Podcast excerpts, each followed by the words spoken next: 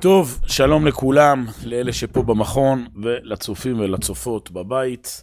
אנחנו הפעם בשיעור מיוחד, אה, קראתי לו בכותרת מלחמת אזרחים, סימן שאלה, הצחקתם אותי, סימן קריאה. בסדר? אז יש שיעור אה, על צחוק בכלל, חודש אדר בפרט, ועל חודש אדר שאנחנו עומדים מולו עכשיו במדינת ישראל, עוד יותר בפרט. בסדר?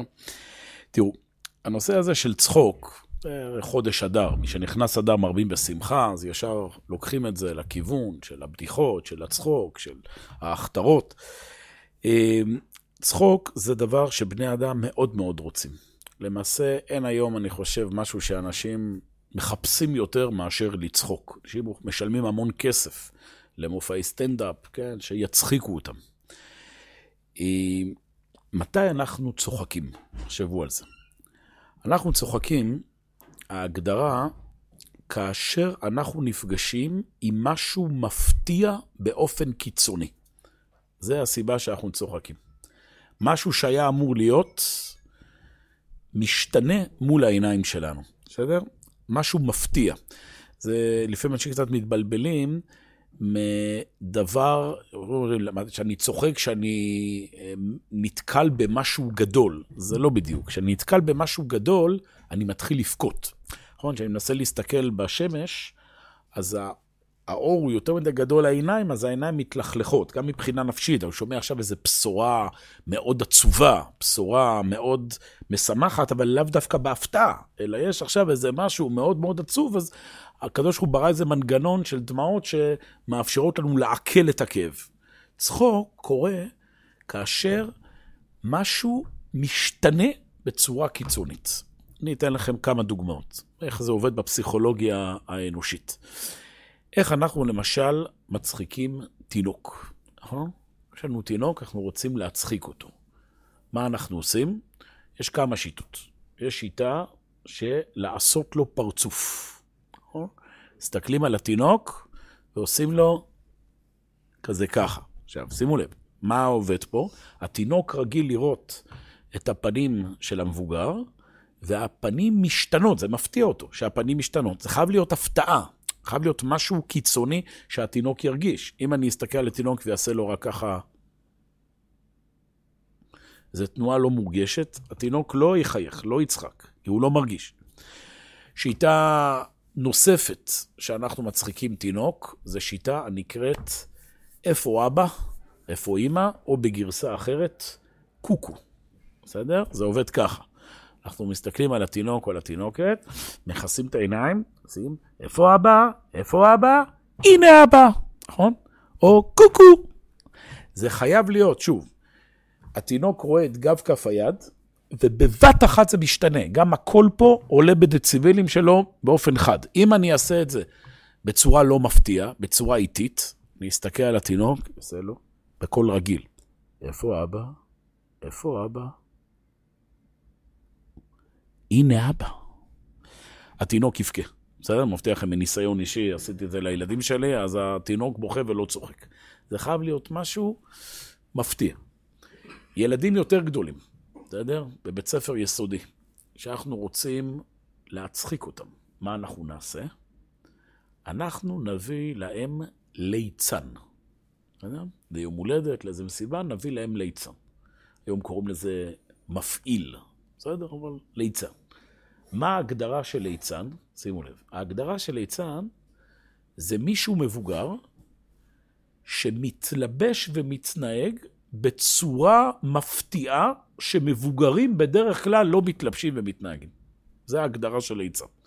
הרי ילדים רגילים לראות את המבוגרים סביבם שהם הולכים עם חולצה אחידה בצבע מסוים, ועכשיו מגיע ליצן שהוא לבוש עם איזה חולצת משבצות כאלה בצבעים חריגים שהילדים לא רגילים. הוא גם נמצא עם כובע. איזה כובע התקבל בתרבות שמסמל ליצנים? כובע משולש, כחרוט. למה? זה לקוח מימי הביניים. בימי הביניים, לכל מלך, לכל אציל, לכל... היה, קראו לזה פול. פול זה באנגלית, כאילו שוטה הכפר. היה איזה מישהו כזה שהוא לא היה... היום היינו מכנים זה מישהו עם פיגור שכלי, רק שאז כמובן הם לא ידעו להגדיר את זה בכלל, אלא מישהו עם איזושהי בעיה, היו מלבישים אותו בסמרטוטים כאלה צבעוניים, שמים לו פעמונים, וכובע משולש. למה כובע משולש? זה הזכיר להם אוזניים של חמור. אתם מבינים? משהו כזה שנראה משפיל ומגוחך, והוא היה כזה מדדה כזה, עם הכובע לפני המלך וכל החצר שלו. כן, יש גם, אם ראיתם תמונות בקלפים של ג'וקר, נכון? זה גם אותו רעיון, אותו... וכולם היו כזה צוחקים. עכשיו, זה מעניין שבחלק מהמקומות הליצנים הלכו עם כובעים משולשים צהובים. למה צהובים? צהוב זה היה צבע חריג בימי הביניים. היה קשה להפיק אותו. צבעים היו בדרך כלל אפורים, שחורים. אז זה גם היה סוג של השפלה. באיזה שלב הכנסייה הנוצרית הכריחה קהילות יהודיות באיטליה ללכת ברחוב עם כובעים צהובים כדי להשפיל אותם. גם היה חוקי עומר, היה חוקים בארצות האסלאם, שאחד מהם, החוקים היה שיהודים ילכו עם בגדים צהובים. מזה התגלגל כמה מאות שנים לאחר מכן, הטלאי הצהוב. זה היה הרעיון. משהו כזה שמבטא חריגות והשפלה. אז הליצן שלנו, אמרנו, הוא לבוש בבגדים כאלה חריגים, עם כובע כזה משונה, ואז הוא מתקרב אל הילדים, עושה להם הצגה. מה ההצגה? הצגה הקלאסית, הוא כזה הולך לפניהם כזה בהליכה מנופחת, כאילו, לא יודע, סוחב משהו בפנטומימה, ואז הוא פתאום מחליק על קליפה של בננה ונופל. הילדים צוחקים. קרה פה משהו שלא היה אמור להיות. על פי ההיגיון, על פי החוק, על פי הרצף ההגיוני, המבוגר הזה היה אמור להמשיך ללכת, וזה פתאום השתנה. זה מצחיק. איך מצחיקים נערים יותר מבוגרים, הנה עכשיו פורים ככה, לקראת כל ההכתרות וזה, בדיוק. צוחקים על המורים, או מחקים את המורים. שוב, מה הפסיכולוגיה שעומדת מאחורי זה? מורה, זה אגב, מבוגרים זה לא מורה, זה יכול להיות פוליטיקאי, בסדר? פוליטיקאי, מורה, זה מישהו שאמור לבטא את החוק, אמור לבטא את המסגרת. הוא נותן פה את מה שצפוי, את הרשמיות. אנחנו עכשיו לוקחים משהו אצל אותו מורה, לצורך העניין, לאותו מורה יש איזו עווית מסוימת ביד. לכל אדם יש איזו צורת דיבור מסוימת, איזו תנועה לא רצונית. נגיד שאותו מורה, הוא כזה, יש לו מדי, כל שתי דקות הוא כזה נוגע באוזן שלו, בסדר? השחקן שמחקה את המורה, הוא ייכנס, ייקח את הנקודה הזו ויקצין אותה. זאת אומרת, הוא ייכנס ככה להצגה ויעשה... בראש של הצופים, הם יודעים שזה לא המורה, אבל בראש של הצופים השחקן הזה מייצג את המורה, ועכשיו המורה מתנהג בצורה קיצונית, בצורה מגוחכת, בצורה לא צפויה, וזה מצחיק. זה הרעיון של בדיחה. מה זה בדיחה? בדיחה אנחנו מספרים סיפור, יוצרים ציפייה לסוף מסוים, ואז בשנייה האחרונה משנים, שוברים. קוראים לזה punch line. punch זה מכה, line זה שורה, שורת המחץ. אתה נותן פה פתאום את ההפתעה. עכשיו, זה מאוד מתוחכם, אתם מבינים? כי אם אתה תספר בדיחה, תספר סיפור, שאנשים כבר מנחשים מה יהיה הסוף, אז זה כבר מה שנקרא בדיחת קרש, נכון? בדיחה יבשה, כי זה לא מפתיע, זה לא מצחיק. לעומת זאת הפוך, אם אתה יותר מדי מתוחכם, אתה כבר מספר סיפור כזה שה... שמרוב תחכום אנשים כבר לא מבינים את ההפתעה, זה גם לא מצחיק. בדיחה שצריך להסביר אותה, היא לא מצחיקה. צריך אומנות. אדם שרוצה להצחיק היום, הוא צריך לזהות בדיוק מי הקהל, מה המציאות התרבותית שהם, זה לא חייב להיות רק בסיפור, זה גם יכול להיות באינטואיציה של קול, להרים את הקול במקום הנכון. זה, זה אומנות אדירה להצחיק. להבין בדיוק איך אנחנו נוגעים בנקודה שמפתיעה את הקהל הנוכחי. אני לכם שסטנדאפיסטים, קומיקאים, ש... מגיעים מתרבות אחרת. נגיד, אה, קומיקאי שהוא מאוד מצליח בארצות הברית, ינסה לעשות מופע פה בישראל, הוא לא יצליח. לא, לא רק בגלל אנגלית ושפה. הוא, הוא לא מכיר את המנטליות. הוא לא, הוא לא יספר בדיחות שיצחיקו, הוא צריך להכיר פה את התרבות. במילים אחרות, כל מה שאמרתי לכם פה, מה זה צחוק? דורשים חז"ל שתי מילים. צא מהחוק. יש חוק, יש מסגרת, יש עולם גלוי, צפוי, עם חוקים קבועים, ואני יוצא מהחוק, אני שובר את החוק. זה נותן לבני אדם תחושה שמכנים אותה היום שחרור, חופש. ויש כאלה אנשים שקוראים לזה אושר, שמחה. אני יוצא מהחוקיות. אין דבר, כמו שאמרתי בהתחלה, שאנשים רוצים היום יותר מאשר לצאת מהחוק. אנשים בעולם שלנו מרגישים שהם, החוקים חונקים אותם. מבינים? התפיסה היום, התרבותית הכללית היא שאין אלוהים, אין אמונה, אין, כן, זה התרבות החילונית, אין, אין משמעות, אין מטרה לחיים. אני נמצא פה באנרציה של חיים כל יום, אותה עבודה, אותה משפחה, אותם ילדים. כל הזמן מגבילים אותי. אני נורא הייתי רוצה לעשות דברים, אבל אסור לי. אני נורא הייתי רוצה לגנוב, אני לא יכול לגנוב. אני נורא הייתי רוצה להרביץ לזה שעצבן אותי, אבל אני לא יכול, משהו מגביל אותי. אני, אני נורא הייתי רוצה עכשיו להתנהג בחוסר צניעות, אבל אני לא יכול, ואני לא מזדהה עם האיסורים האלה, נכון? כי אני בנפש שלי פראי, אני בנפש שלי רוצה להשתולל, אז איפה אני פורק את זה? יש כל מיני דרכים לפרוק את זה. דרך אחת לפרוק את זה זה בסרטים.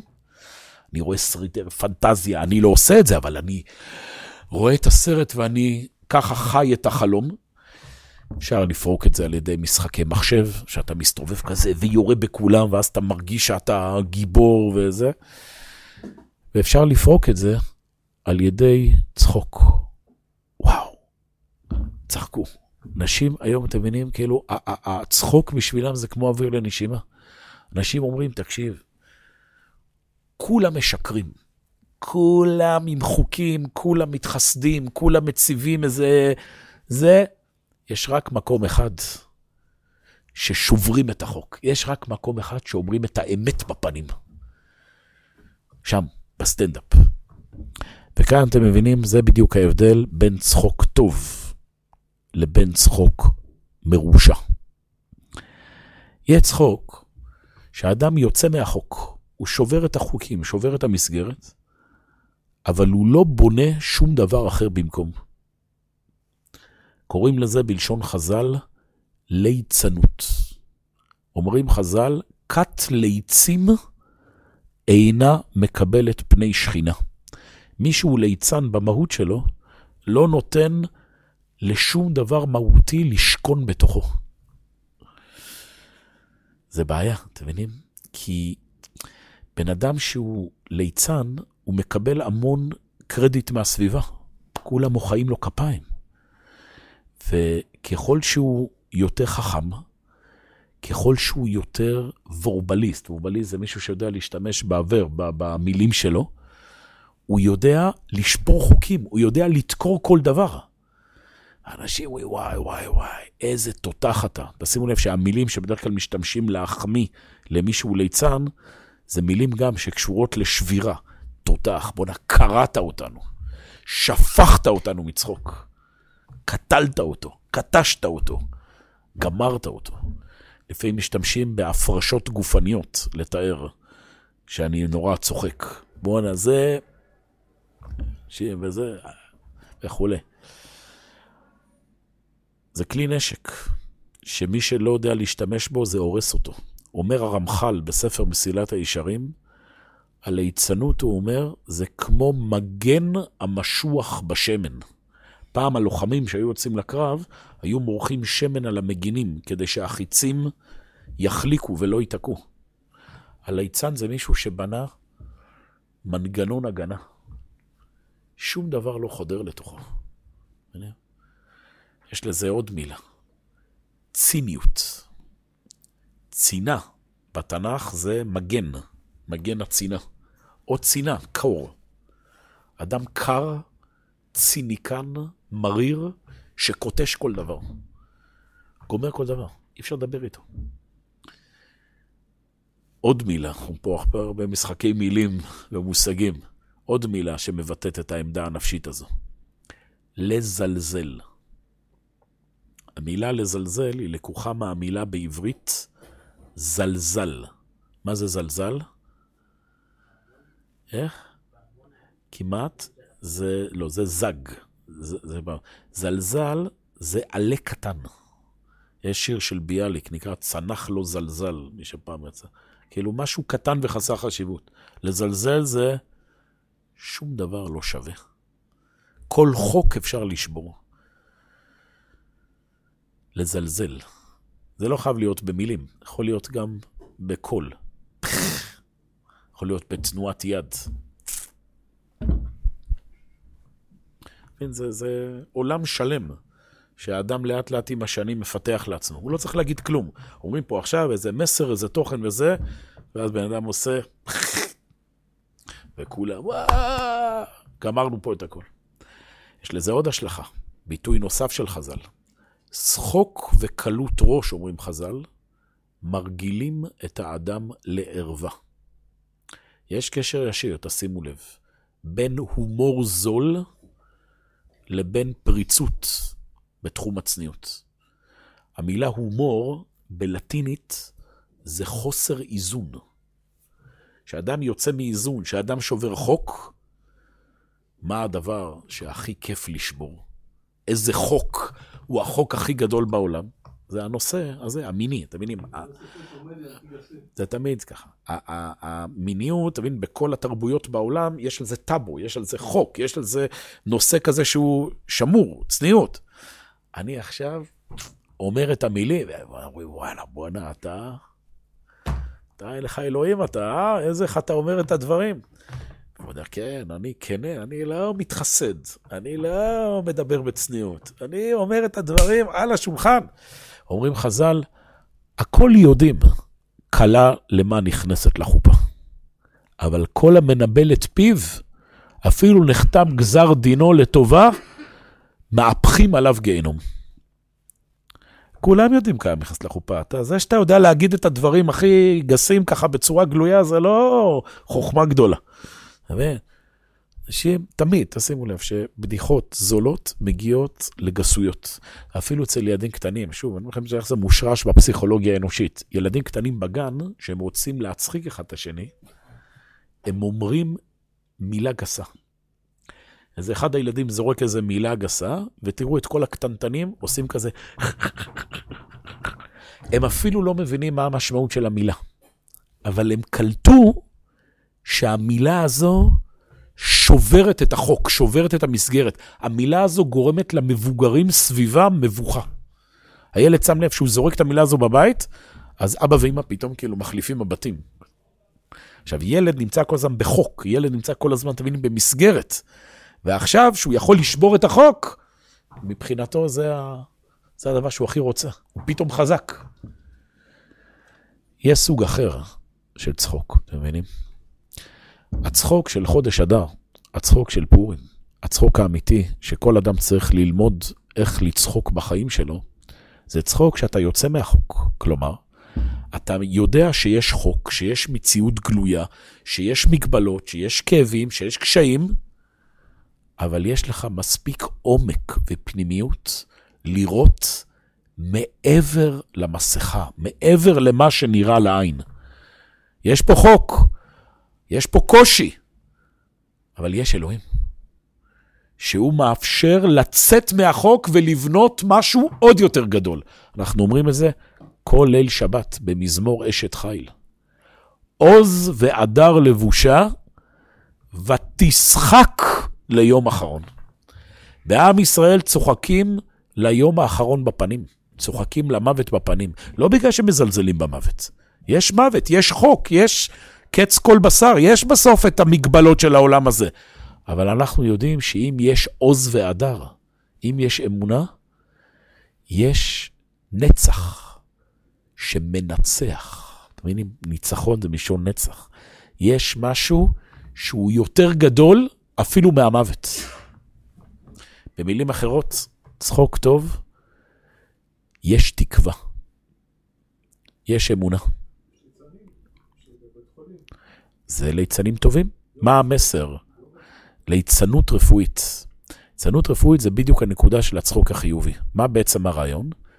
יש לך קושי עכשיו, אתה נמצא בכאבים? בוא נסיח את דעתך, נעשה לך דברים מצחיקים, שזה עכשיו גורם לבן אדם פרופורציה. מבין? זה העומק הרעיון. צחוק טוב, רבא, ככה כותבת הגמרא, לפני השיעור היה אומר מילתא דבדיחותא. שוב, מה הרעיון? לא ליצה, אלא תקשיב, שנקרא, תסתכל על הדברים במבט רחב יותר. זה הצחוק של רבי עקיבא, אתם מבינים? שהוא וחכמים הולכים אחרי החורבן ורואים שועל שיוצא מבית קודשי הקודשים. כל החכמים בוכים. יש פה איזה משהו כל כך כואב שהם לא יכולים רק לבכות. רבי עקיבא צוחק, שואלים אותו, על מה אתה צוחק? אומר, מקום שהתקיימה הנבואה, שועלים ילכו בו, או תתקיים הנבואה, עוד ישבו זקנים וזקנות בחוצות ירושלים, ונערים משחקים ברחובותיה.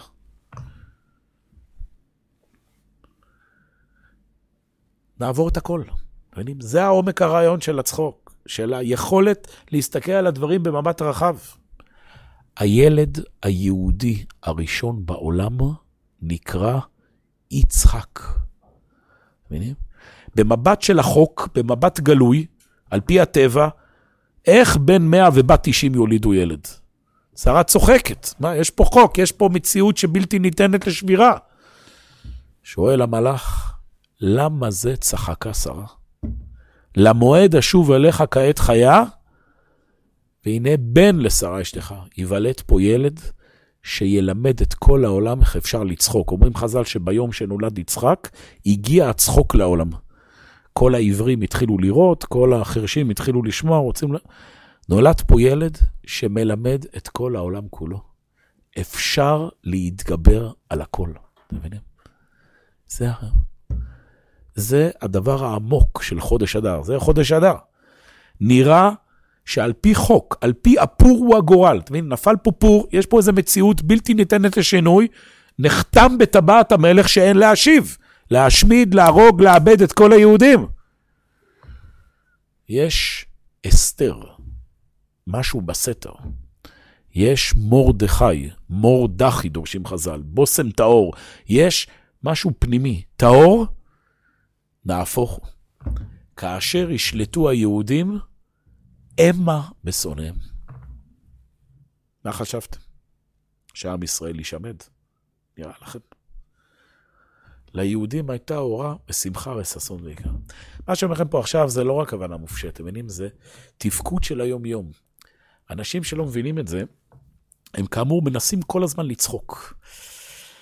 אבל הם עושים את זה בצורה לא טובה. הם חושבים שלצחוק, שוב, זה לשבור, להרוס, לשחוט פרות קדושות. למשל, ביוון העתיקה היה סוג של הצגות שנקרא קומדיה. קומדיה, קומוס ביוונית זה הילולה, התפרקות.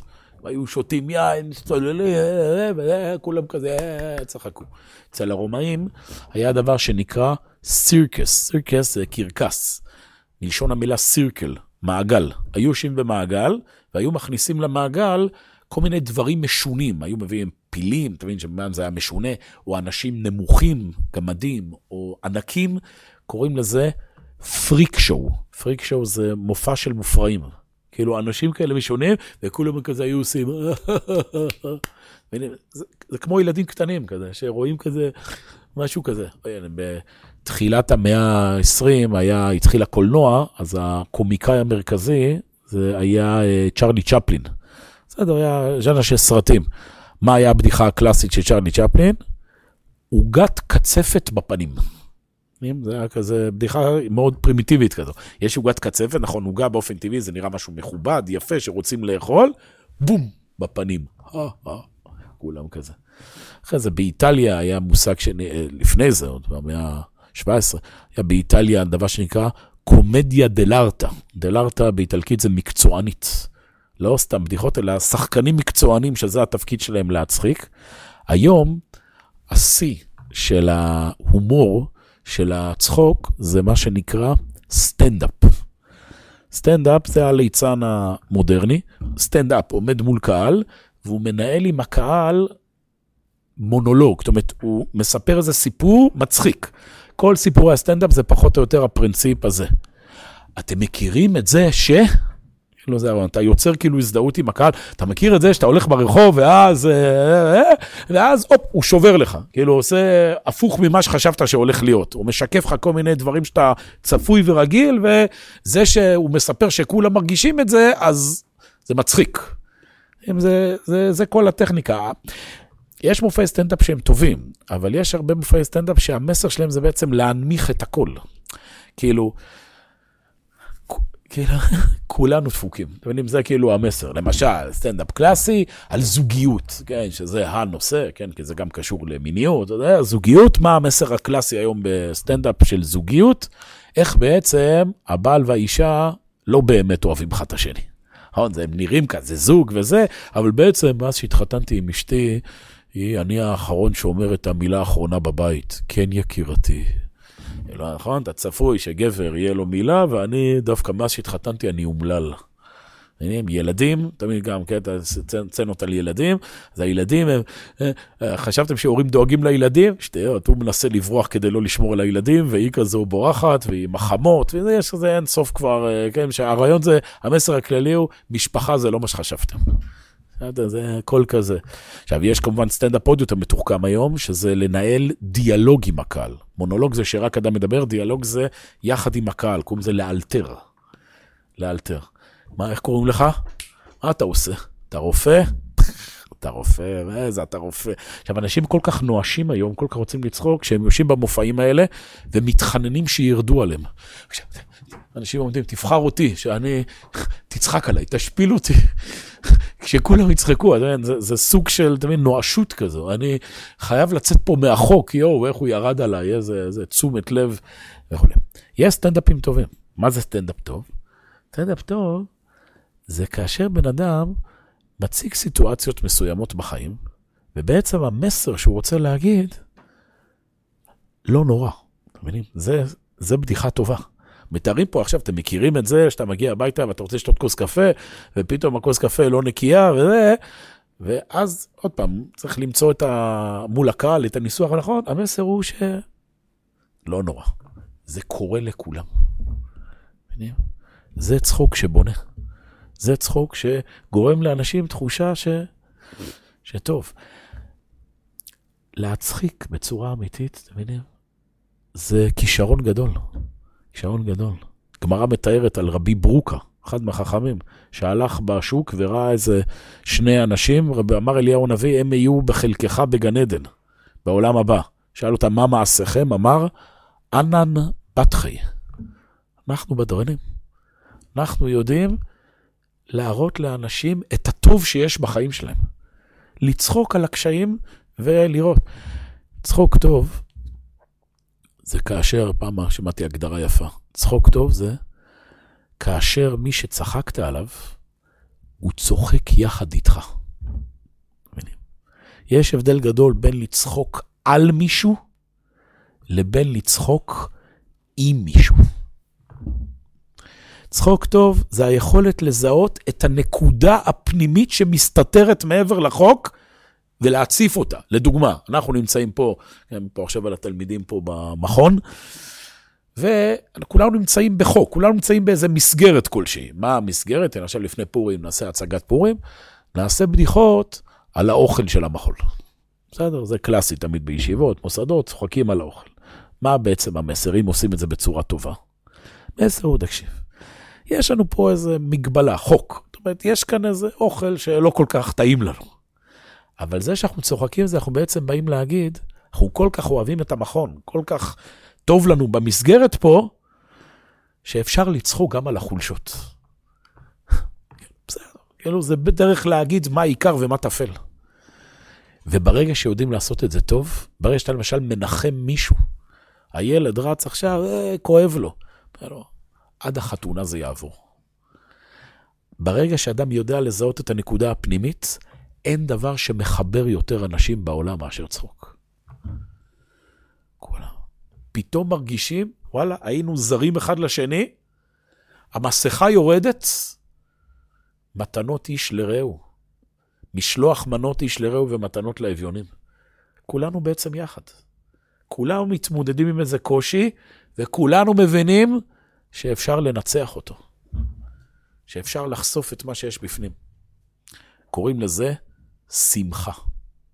שמח זה צירוף של שתי מילים. שם מוח. יש מוח, יש עומק. העם היהודי תמיד ידע לשמוח. תמיד ידע לצחוק. תדעו את זה. יש ספר שנקרא ספר הבדיחה והחידוד. זה ספר לפני מאה שנים, הוציא אותו משכיל יהודי בשם דוריאנוב, שהוא אסף בדיחות מכל העולם היהודי, מכל הגלויות. כל הבדיחות של רב, כומר וקאדי נוסעים יחד ברכבת, זה משם. אגב, עוד דבר מעניין, שמספרים בדרך כלל בדיחות על דמויות, כמה דמויות יהיו בבדיחה? שלוש. כי זה המספר שמפתיע. נכון? הרי אמרנו זה ליצור ציפייה ולהפתיע. אז מתחיל דבר ראשון, ואז הכומר עשה כך וכך, אוקיי, יצרנו ציפייה, אבל זה רק ההתחלה. ואז הקאדי עשה כך וכך, אוקיי, עכשיו אנחנו כבר בטוחים שגם הרבי יעשה אותו דבר, ואז הרבי אמר כך וכך, ושבר, זה מה שמצחיק. שלוש זה תמיד המספר שיוצר את הגורם ההפתעה. אז הוא כותב בהקדמה לספר דבר מדהים. הוא אומר, תשימו לב, הוא אומר, שהעם היהודי לאורך כל הדורות הצטיין בהומור. גם היום, אגב, גדולי הקומיקאים בעולם, הרבה פעמים הם יהודים. הומור יהודי יש לו מאפיין. מה המאפיין שלו? בדיוק. לצחוק על המצב שלנו, הומור עצמי. שיהיה סבא של סבא שלנו, חי אי שם בפולין, או לא יודע, בתוניס, שכל השבוע הפריץ, או הסולטן, השפיל אותו. ורמס אותו, מה נשאר לו? נשאר לו לשבת בבית כנסת שם, בספסלים, בין מנחה למעריב, ולהריץ צחוקים על הפריץ. זה כל הער שלי מאוסטרופולי, זה, זה הכל קשור לאמונה הזו. יש פה כמה שניות שהיהודי מרגיש שולט ולא נשלט. יש תקווה, זה מה שיחזיק את היהודים לאורך שנים, לאורך דורות. בתנאי שזה הומור טוב, לא הומור של uh, השפלה. אין, אנשים הרבה פעמים מתבלבלים, למשל עושים הומור שחור. הומור שחור זה לא, הומור שחור זה אדם כאילו צוחק על המצב, בדיחות שואה, אבל בעצם המסר הוא להישאר בבוץ. יש פה משהו איום ונורא כזה ואני צוחק על זה. הומור טוב שהוא זה עם התקווה בסוף, עם הפרופורציה על הדברים, אתה מבין? לא... יש היום, לצערנו, עוד פעם, בגלל שאנשים כל כך נמצאים במתח הזה בין הרקנות לרצון לשבור את החוקים, יש היום הומור פוליטי. הומור פוליטי זה נקרא סאטירה, זה גם סוג של פוליטי, אבל יש גם מושג שנקרא סרקזם. סרקזם ביוונית זה לקרוע בשר בשיניים. אנחנו קוראים פה את נבחרי הציבור. אני מביא פה דוגמה אני בכוונה אומר את השם, כי אני רוצה שאנשים ישימו לב לדבר הזה. יש תוכנית שהיא כבר 20 שנה כמעט, נמצאת בראש חזית הבידור של התרבות החילונית. קוראים לה ארץ נהדרת. אני בטוח שלפחות חלקכם ראה את זה פעם, מי שלא, שלא יראה. אבל ראיתי כמה קטעים, הבנתי את הפרינציפ. זה עובד ככה. זה מעוצב כתוכנית טלוויזיה, כמהדורת חדשות. מהדורת חדשות, מה היא מבטאת בתרבות? רצינות, נכון? חוק. ואז יש מנחה. המנחה שם זה שחקן קבוע, הוא לא אייל קיציס, הוא כבר 20 שנה מנחה שם. הוא מייצג, לא יודע ספציפית מה הוא, אבל הוא מייצג גבר חילוני, אשכנזי, רהוט. מדבר יפה, לבוש יפה, עם הדעות הנכונות, מה שנקרא. ואז נכנסות דמויות, שחקנים שמייצגים דמויות בחברה הישראלית. חרדים, דתיים, ימנים, מזרחים, כל, מי שהיה בחדשות השבוע. כל דמות שנכנסת היא מוצגת בצורה נלעגת. בסדר? לצורך העניין, עכשיו נגיד נכנס אה, מי שמשחקן את ביבי, כן, אחד קוראים לו מריאנו.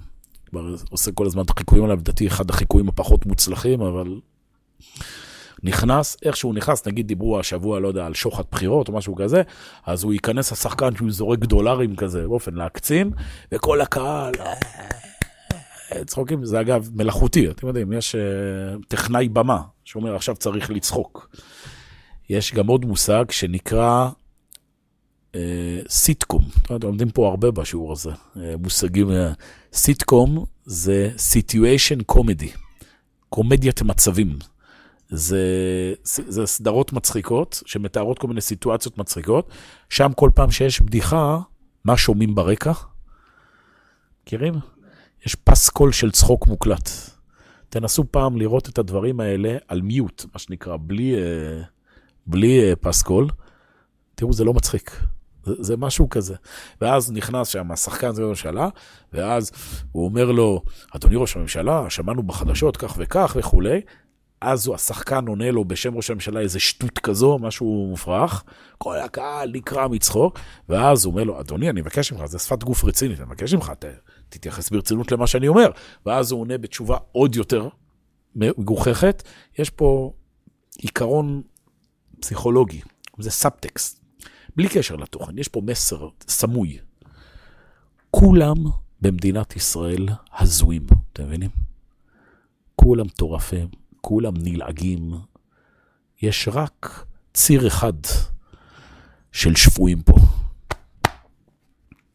הקיציסים. אנחנו ששולטים בטלוויזיה, ששולטים בתקשורת, התרבות הנכונה, אנחנו פה, מבין, זה קריצה לקהל כזה. אנחנו מבינים אחד את השני. הם, הם לא באמת ישראל, אנחנו. אנשים לא מבינים את זה. לפעמים אני אומר, אני, תלמידים צוחקים מזה, אני אומר להם, למה אתה רואה את זה? הוא אומר לי, זה מצחיק. אומר, לא הבנת, צוחקים פה על אימא שלך, אתה מבין? צוחקים פה על כל מה שקדוש ויקר בעם ישראל. לא על זה אנחנו מדברים, אתה מבין? צחוק טוב. זה היכולת של בן אדם לעזור לאנשים דרך הצחוק. וכאן תבינו, כולם רוצים היום להצחיק. להצחיק היום זה ה... איך אומרים? זה כוכב. אני רואה המון המון אנשים, בחורים, שהם נורא רוצים להצחיק, אבל לא הולך להם. הם מספרים איזה בדיחה, ואז במקום לצחוק יש איזו דממה מעיקה כזו בקהל כזה, וכולם כזה מסתכלים אחד על השני. חסר להם משהו שנקרא טקט. טקט זה מילה אחרת לכל מה שאמרתי ב-40 דקות הללו. היכולת לקרוא מצבים, לקרוא מה שמעבר לחוק, מה שמעבר לנראה לעין. אני אתן לכם דוגמה לחוסר טקט. הייתי תקופה מסוימת דיקן סטודנטים באיזה מכללה מסוימת, אה, שזה, מי שמכיר בעולם האקדמיה, בקיצור, יש מושג שנקרא ועדת משמעת. זה אם סטודנט אה, עבר עבירת משמעת, לא יודע, איטיק או משהו כזה, מביאים אותו לוועדה, שזה נחשב משהו כזה מאוד מפחיד. יושב שם הרקטור, נשיא האוניברסיטה, פרופסור מבוגר, הסגנית רקטור והדיקן סטודנטים, ויש לזה השלכות, לפעמים יכולים אה, להעיף אותך מה, מהמכללה על הדבר הזה. סיפור שהיה, שהייתי אחד המקרים, היה ועדת משמעת על שני סטודנטים שעשו עבודה עשו עבודה ביחד, זה היה מותר להם, אבל הם העתיקו את העבודה מהאינטרנט. איך עלינו על זה שהם העתיקו את העבודה? פשוט כל העבודה הייתה כתובה בלשון נקבה. אתה מבין, אם הם היו לא חדים במיוחד, אז, וגם בהקדמה היה כתוב, אני מודה לבעלי על שעזר לי לעשות את העבודה. טוב, בדקנו בהתחלה, אולי אה, יש פה משהו שאנחנו לא יודעים, אבל הסתבר שהם לא נשואים. אז אה, אוקיי, הראשון נכנס וזה, בסדר, והודה, זה, קיבל עונש קל. ואז נכנס השני, אני תמיד זוכר את הסיטואציה לחוסר טקט. שוב, תבינו את הסיטואציה, עומדים פה שלושה אנשים מבוגרים, וזה, נכנס בחור בן 20 ומשהו, נכנס ככה לוועדת משמעת, כזה, בידיים בכיסים, מתיישב ועושה לנו, מה קורה חבר'ה, הכל טוב? כולם מסתכלים עליו, ואז הוא פונה לקם כזה, מתקרב לפרופסור, לרקטור, זה אדם בן 60, עושה לו, תן כיף. הוא מסתכל עליו. ואז הוא פונה לסגנית רקטור, שם גם ישבה. אומרת לו, יפה לך מה שעשית בשיער, את יודעת? ואז השיא, הוא מתקרב אליו ואומר לי, אמרו לך שאתה דומה לדודו פישר? זה נכון. ודודו פישר? אה, במקום זרקנו אותו במכללה. אמרתי לו, זה היה להוראה. אמרתי לו, תקשיב, הסיבה שזה היה אותך לא בגלל החוצפה שלך, אלא בגלל חוסר הטקט, אתה מבין? אתה לא קורא מצבים, אתה מבין? יבוא אליך תלמיד, יבכה לך שההורים שלו התגרשו, ואתה תגיד להם, או, צחוק, תן כיף. היכולת לקרוא מצבים, אתה מבין? זה חלק מהותי מעבודה פנימית, זה מה שלימוד תורה עושה לבן אדם. מה זה גמרא? יש פה שניים אוחזים בטלית? איך ידעני? מה המציאות פה? מה עבר פה מאחורי הדברים? מה נראה מעבר לחוק, מעבר לעין? תבין את המהות. אסביר את זה הרבה פעמים לתלמידים. נגיד עכשיו רוצים לעשות מסיבה להורים. בסדר? מסיבת יום נישואים להורים. הילדים אומרים, בואו נעשה שיר עיתולי, שיר, מצ... שיר מצחיק כזה. בסדר? מה עושים? נעשה שיר עם חרוזים. אה, אם הקשר, ככה אני מסיים, אם הקשר בין ההורים טוב, ההורים אוהבים אחד את השני, אז באמת אפשר לעשות שורה כמו, אבא נרדם כל ערב על הספה, ואימא אותו לא מאירה. שהמסר פה, שהקשר בין ההורים הוא כל כך טוב, שאפשר לצחוק על החולשה הזוגית הזו שהם ככה לא ישנים ביחד. אבל, אני מסביר לבחורים, תקשיבו טוב, ידבעים, תקשיבו טוב. אם הקשר בין ההורים לא טוב, אז בדיחה כזו היא לא מצחיקה. להצחיק זה לדעת את הנקודה הנכונה שנותנת טוב ואופטימיות. וכל זה מביא אותנו למציאות שלנו עכשיו, תבינו. אנחנו מעבירים את השיעור הזה ערב פורים, תשפ"ג. מי ששומע חדשות בתקופה הזו, נראה לו שהחוק שולט בעולם. הרע שולט בעולם, נכון? אנשים אומרים, פחד, הולכת להיות מלחמת אזרחים. מלחמת אחים בעם ישראל. המדינה הולכת להיחרב, הכלכלה הולכת להיחרב. אנשים שחוגגים את חג פורים, שהם שייכים לחודש אדר, הם צוחקים מזה. הצחקתם אותי. לא בגלל שמזלזלים, יודעים בדיוק מה עומד מולנו, אבל מבינים את הפרופורציה. אומרים חז"ל, אסור לאדם שימלא שחוק פיו בעולם הזה. מי שמסתכל על העולם הזה כמו שהוא עכשיו, נכון, זה... איך אפשר לצחוק? שנאמר, אז ימלא שחוק פינו ולשוננו רינה. ככל שאדם שלח, שייך יותר אל המציאות העתידית, אל המציאות הפנימית, הוא מסתכל על הדברים פרופורציה, ואז הוא יודע מה מלחמת אזרחים, מה הסוף של מדינת ישראל. מדינת ישראל קיימת כבר, ברוך השם, 80 שנה. כל כמה שנים יש איזו נבואת חורבן על מדינת ישראל.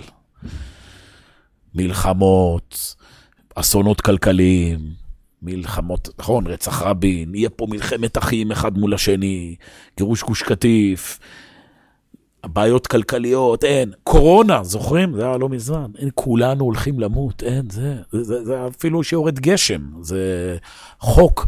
אין, יש פה סופה, סופת ברברה. כן, אין, המדינה הולכת להיות מוטבעת פה מזה. כל פעם. ומפעם לפעם, ברוך השם, אנחנו רק הולכים וצומחים. איזה מלחמת אזרחים? מה מלחמת אזרחים? עכשיו תבינו, לא הולכת להיות מלחמת אזרחים במדינת ישראל. צחקו מזה. למה? אני לא נכנס אפילו למישור הפנימי של צריך להבין מה זה עם ישראל, אחדות ישראל, נשמת ישראל, אפילו ברמה האזרחית הפשוטה. מלחמת אזרחים מתרחשת כאשר יש בתוך אותו אזור גיאוגרפי ישויות לאומיות שהן נפרדות אחת מהשנייה. למשל, אה, מלחמת האזרחים בארצות הברית, שהיה לפני 200 שנה, היה הצפון והדרום. זה היה שני, שתי רשויות למעשה, שתי אוכלוסיות, שחיו בפער של מאות קילומטרים אחת מהשנייה, שכל אחת היה לה אוטונומיה מצד עצמה. הצפון היה עם הניהול שלו, והדרום היה עם הניהול שלו. הם התחתנו אחד עם השני, זאת אומרת, כל אחד בתוך עצמו. זה, זה... היה פה, מה שנקרא, התנגשות. גם לצורך העניין בסוריה, שיש שם מלחמת אזרחים, זה עמים שונים, צריך להבין, בסוריה זה, זה עמים שונים שחיים, קבוצות אתניות שנמצאות בתוך אותו שטח גיאוגרפי. מדינת ישראל זה שמונה מיליון יהודים, מדינה קטנה, גיאוגרפית, ושמונה מיליון יהודים שקשורים אחד לשני בקשרי דם. מבינים? אין עוד אוכלוסייה כזו בעולם. זה עם אחד שנמצא כל אחד או קרוב או שכן של השני. אין, מה מלחמת אזרחים? מה? מה אתם חושבים שיקרה פה? שלא יודע, כן, אומרים, תקשיבו, יהיה פה עכשיו, כוחות הביטחון לא ידעו למי לשמוע, לבית המשפט או ל... אני יודע מה, אה, לממשלה. ומה לכם שהולך להיות? שחטיבת נחל, כאילו יתחילו, מישהו בחטיבת נחל יתחיל לירות על הבן דוד שלו בחטיבת כפיר, כי הוא תומך ברפורמה, הוא נגד הרפורמה. אנשים, אה, נשתמש בנשק, מי ישתמש? מי, מי יעמוד מאחוריך? מה, אתה חי לך פה בסרט? שאתה חי פה במיליציות, שתילחם פה נגד הבני דודים שלנו, האחים שלנו? אה, חוץ מגולני וצנחנים, שם אני לא סגור, שם זה יכול להיות אה, אולי, אבל מעבר לזה, כנראה גם, אה, אני אקח את הכסף שלי ואני אעזוב את מדינת ישראל. בוא, בוא, תקשיב טוב. מי שנמצא היום במדינת ישראל ומשקיע כסף, הוא לא עושה את זה בשביל העיניים היפות של הרצל. יש? כל מי שנמצא במדינת ישראל משקיע כסף, הוא עושה את זה כי מדינת ישראל היא מדינה פורחת ומשגשגת. והנה כולם מנסים להציג פה, אני אעזוב את המדינה, ומה אתה חושב שתעזוב את המדינה? כאילו כל אחד שעוזב את המדינה, הוא חושב כל מי שעובד בהייטק יעזוב את המדינה, איך שהוא עוזב, מקבל בית בבברלי הילס בארצות הברית. זה לא עובד ככה, אדוני. אתה נשאר פה במדינה, אתה, אם היית חושב שאתה בארצות הברית יכול להצליח ככה בכיף, היית עוזב כבר מזמן. אתה פה כי טוב לחיות במדינת ישראל. זה האמת. ולכן מדינת ישראל גם תמשיך לפרוח. אתה מה שקורה פה עכשיו זה לא מלחמת אזרחים ולא בטיח. מה שקורה פה עכשיו, קוראים לזה בשפה מקצועית, החלפת אליטות. במשך 70-80 שנה, מי ששלט במדינת ישראל, כן, ברמה התרבותית, זה היה קבוצת אוכלוסייה, מה שאמרנו קודם, אלה שעשו את ארץ נהדרת.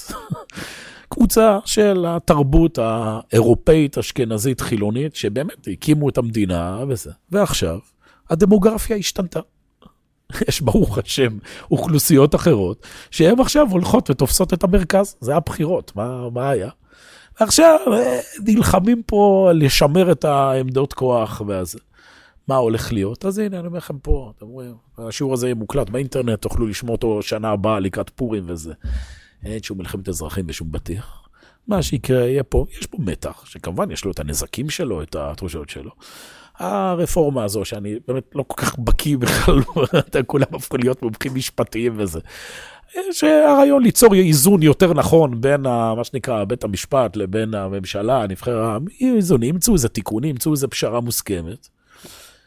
ועם ישראל ימשיך, ימשיך ויפרח. ימשיך ויפרח. אתה מבין, אנשים יודעים להפחית עצמם. מדבר איתי מישהו שבוע שעבר, שהולך לי איזה רעיון, איזה מאמר, שהוא עושה, עושה תיאוריה כזו, זו תיאוריה שרצה היום הרבה במדינה. שהוא אומר, מלכות חשמונאי, כן, בבית שני, מלכות חשמונאי, שניצחו את היוונים, היה סך הכל 200 שנה מלכות חשמונאי, ובאמת שם יש דעות שבאזור ה-70-80 שנה למלכות חשמונאי, התחילה שם איזה מלחמת אריסטובלוס ואורקנוס, כן, איזה מלחמת אחים, שזה בסוף דרדר את זה. אז הוא בנה תיאוריה שלמה, זה, זה רץ היום בכל מקום, שהמספר 70 או 80 שנה למדינה זה מספר קוסמי כזה. 70-80 שנה, מדינה מתפרקת. ואנשים שולחים לי פה, תראה, ככה היה לפני 70 שנה, אז ככה גם עכשיו יהיה. לא, אתם חיים בסרט, תגידו לי, מה נסגר איתכם? מה זה 80 שנה כאילו כסף? מה? איפה? מה? מי? מו? מה? מדינת ישראל תמשיך. מה נראה לכם? בגלל ה-80 שנה מדינה תתפרק? איפה מתפרקת? המדינה הזו אימפריה, ברוך השם. אימפריה כלכלית, אימפריה ביטחונית. וברוך השם, אימפריה חברתית. זה תהליך, תהליך, בסדר, יש פה בירורים וזה, הדברים יהיו. מה? אה, כל ה... אתם מבינים? הלחצים והפחדים והזה. עוד פעם, לא מזלזלים בכל קושי שקיים, צריך לפתור, צריך להתמודד, ואני מקווה מאוד, כולם מתפללים שלא יהיו דברים מעבר ל... לכל מיני הפגנות uh, סוערות. אבל שיהיה ברור, מה שלא יהיה, נצח ישראל לא ישקר ולא ינחם. כי לא אדם הוא להנחם. יושב בשמיים משחק. קדוש ברוך הוא שוחה, קדוש ברוך הוא מאפשר לחוקיות כל פעם ליפול ולקום משהו יותר עמוק. וזה בעזרת השם מה שיהיה. פורים השנה, אנחנו צריכים לשמוח. צריכים לשמוח מתוך אמונה גדולה שהקדוש ברוך הוא נמצא איתנו ומוביל את המציאות כמו שצריך. בסדר? ואנחנו, כל מה שעומד מולנו, אנחנו נצחק. אז ימלא שחוק פינו. נתייחס לזה בפורציה נעשה את מה שצריך לעשות. תמיד אמונה, תמיד תקווה. למה? כי יש אלוהים. מבינים? זה, זה מכמה הכל מתחיל. יש הקדוש ברוך הוא. ואז אפשר גם להריץ בדיחות, תעבדו על זה. להריץ קצת צחוקים על מה שצריך. שיהיה לנו פורים שמח, בעזרת השם.